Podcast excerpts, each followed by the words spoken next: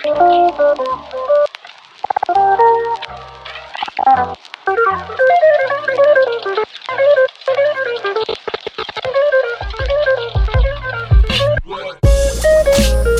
lagi kan nih?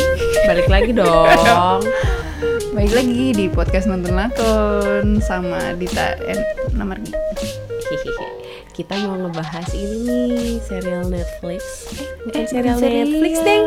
Film. Film. Hmm. Film Netflix. Nah, kebetulan duonya ini kita omongin di beberapa podcast sebelumnya yaitu Brie Larson sama Samuel L. Jackson. Judulnya Unicorn Store. Nah, gue kaget sih waktu film ini nongol di Netflix karena baru, baru kita belum lama nonton Captain Marvel kan. Iya. Ada duo Brie Larson dan Samuel L. Jackson, eh toto nongol lagi di Netflix. Cuma yang gue tahu agak belakangan ini sutradaranya Brie Larson sendiri gitu. Jadi ya Jadi ya cukup menarik ya. Iya, soalnya kayaknya ini pertama kalinya ya si Brie Larson nyutradarain film juga kan. Nah, kisahnya juga menarik juga nih menurut gua. Soalnya agak-agak fantasi gimana gitu. Iya, tentang kayak intinya sih dia kayak pengen punya sesuatu hal yang menurut dia itu krusial banget dalam hidupnya dia. Walaupun Menurut orang tuh kayak lo sehat gitu.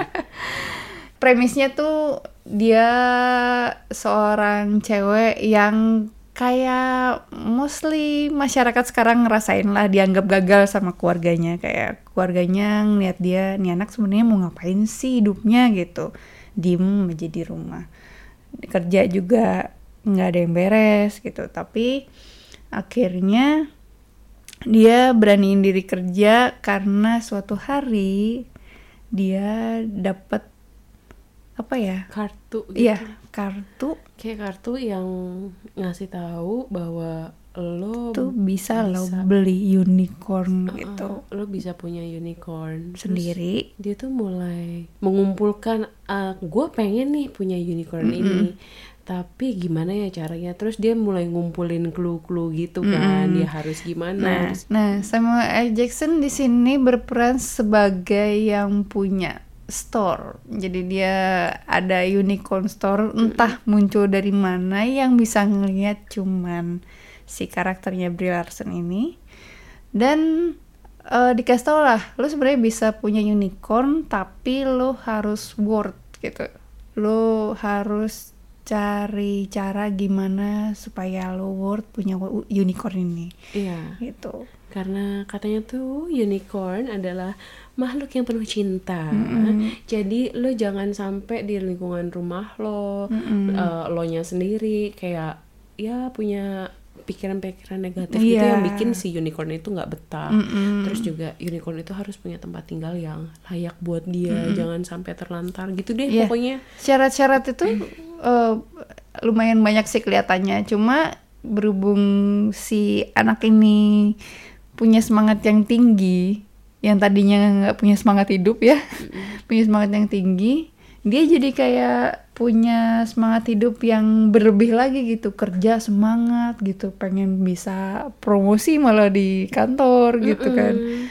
ya pokoknya dia tuh kayak eh, berpikir gimana ya caranya nih supaya gue bisa punya ini supaya eh, dari mulai dia pergi ke toko kayu eh, bikin gimana caranya gue bikin rumah buat dia si unicorn itu dan buat gue tinggal juga. Mm-mm. terus cari ke tukang kayunya sampai tukang kayunya ah lo sehat? Gitu kayak lo benar iya aku Iya. emang punya unicorn gitu Kalau dalam hal fantasi, ya, genre yang fantasi gitu, gue ngeliat ada satu benang merah sih.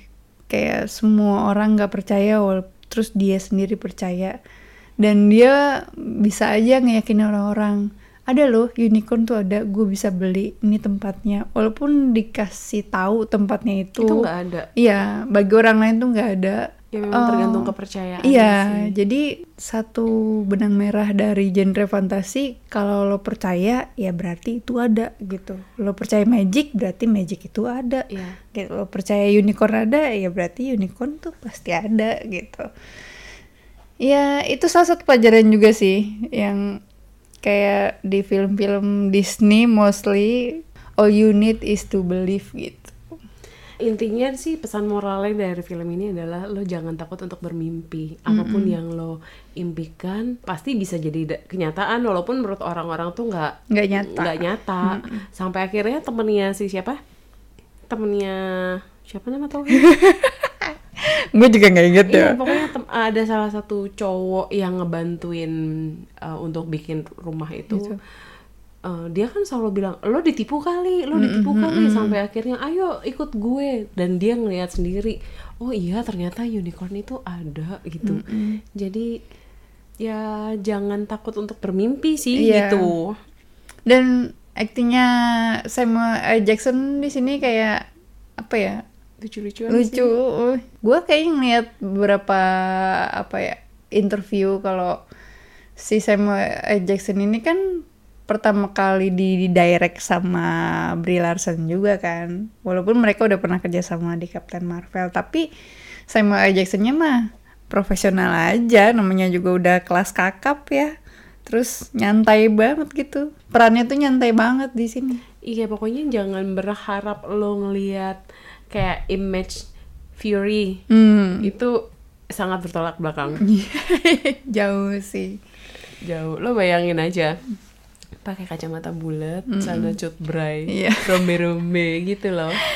Di apa ya? Sesi-sesi gimana gitu si Samuel. Jackson di sini. Karena image-nya dia itu hayalan sebenarnya tadinya. Walaupun kita nggak tahu.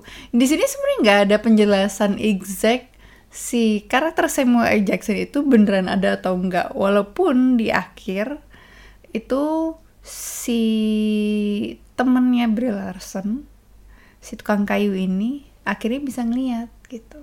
Cuma kan kita nggak tahu dia ngeliat karena apa? Apakah karena dia percaya? Apakah karena emang beneran semuanya ada? Itu kan pertanyaan yang emang nggak perlu dijawab sama semua orang sih. Jadi tergantung kita juga nilainya kayak gimana.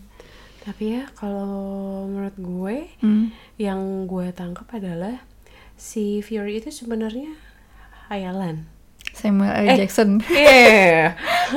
Samuel L. Jackson itu sebenarnya Hayalan. hayalan, tapi temannya itu si tukang kayu, dia tuh berpikir karena dia sudah percaya, Mm, dia sudah percaya, dia terus dia ikut ngebantu. mm. Jadi mungkin ada sedikit dalam otaknya dia yang berpikir, oh ya ini beneran gitu. loh. Mm.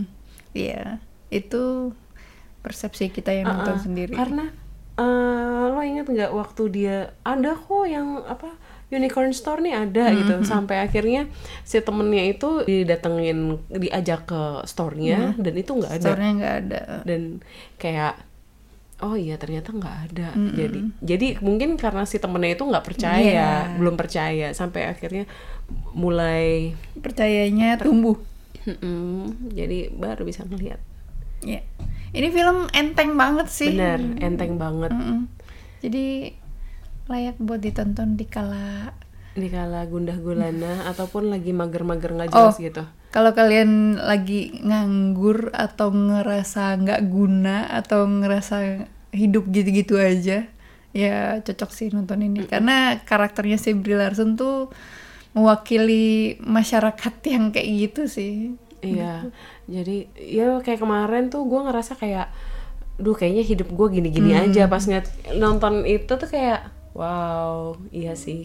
Ya udahlah, Hmm, kita harus bangkit lagi intinya kayak gitu. apa pun motivasinya ya kalau motivasi di Brie Larson di sini kan motivasi si kayak gitu, unicorn, unicorn. gitu. Kalau aku motivasinya adalah Ini, gincu gincu. oke gitu Udah, aja Heeh, udah deh. Gitu udah, aja. udah maghrib kita harus buka puasa Eh, ada ide nggak sih kita harus ngebahas podcast apa? Kalau ada, kasih tahu gua dong. kadang gue suka mati gaya padahal sih nggak harusnya nggak mati gaya Iya, Banyak- karena Netflix tiap tiap bulan tuh ada yang baru. Cuma kalau semua film Netflix kita bahas, kita ngerasa nggak terlalu seru juga gitu. Jadi ya kali aja ada yang mau kalian sarankan.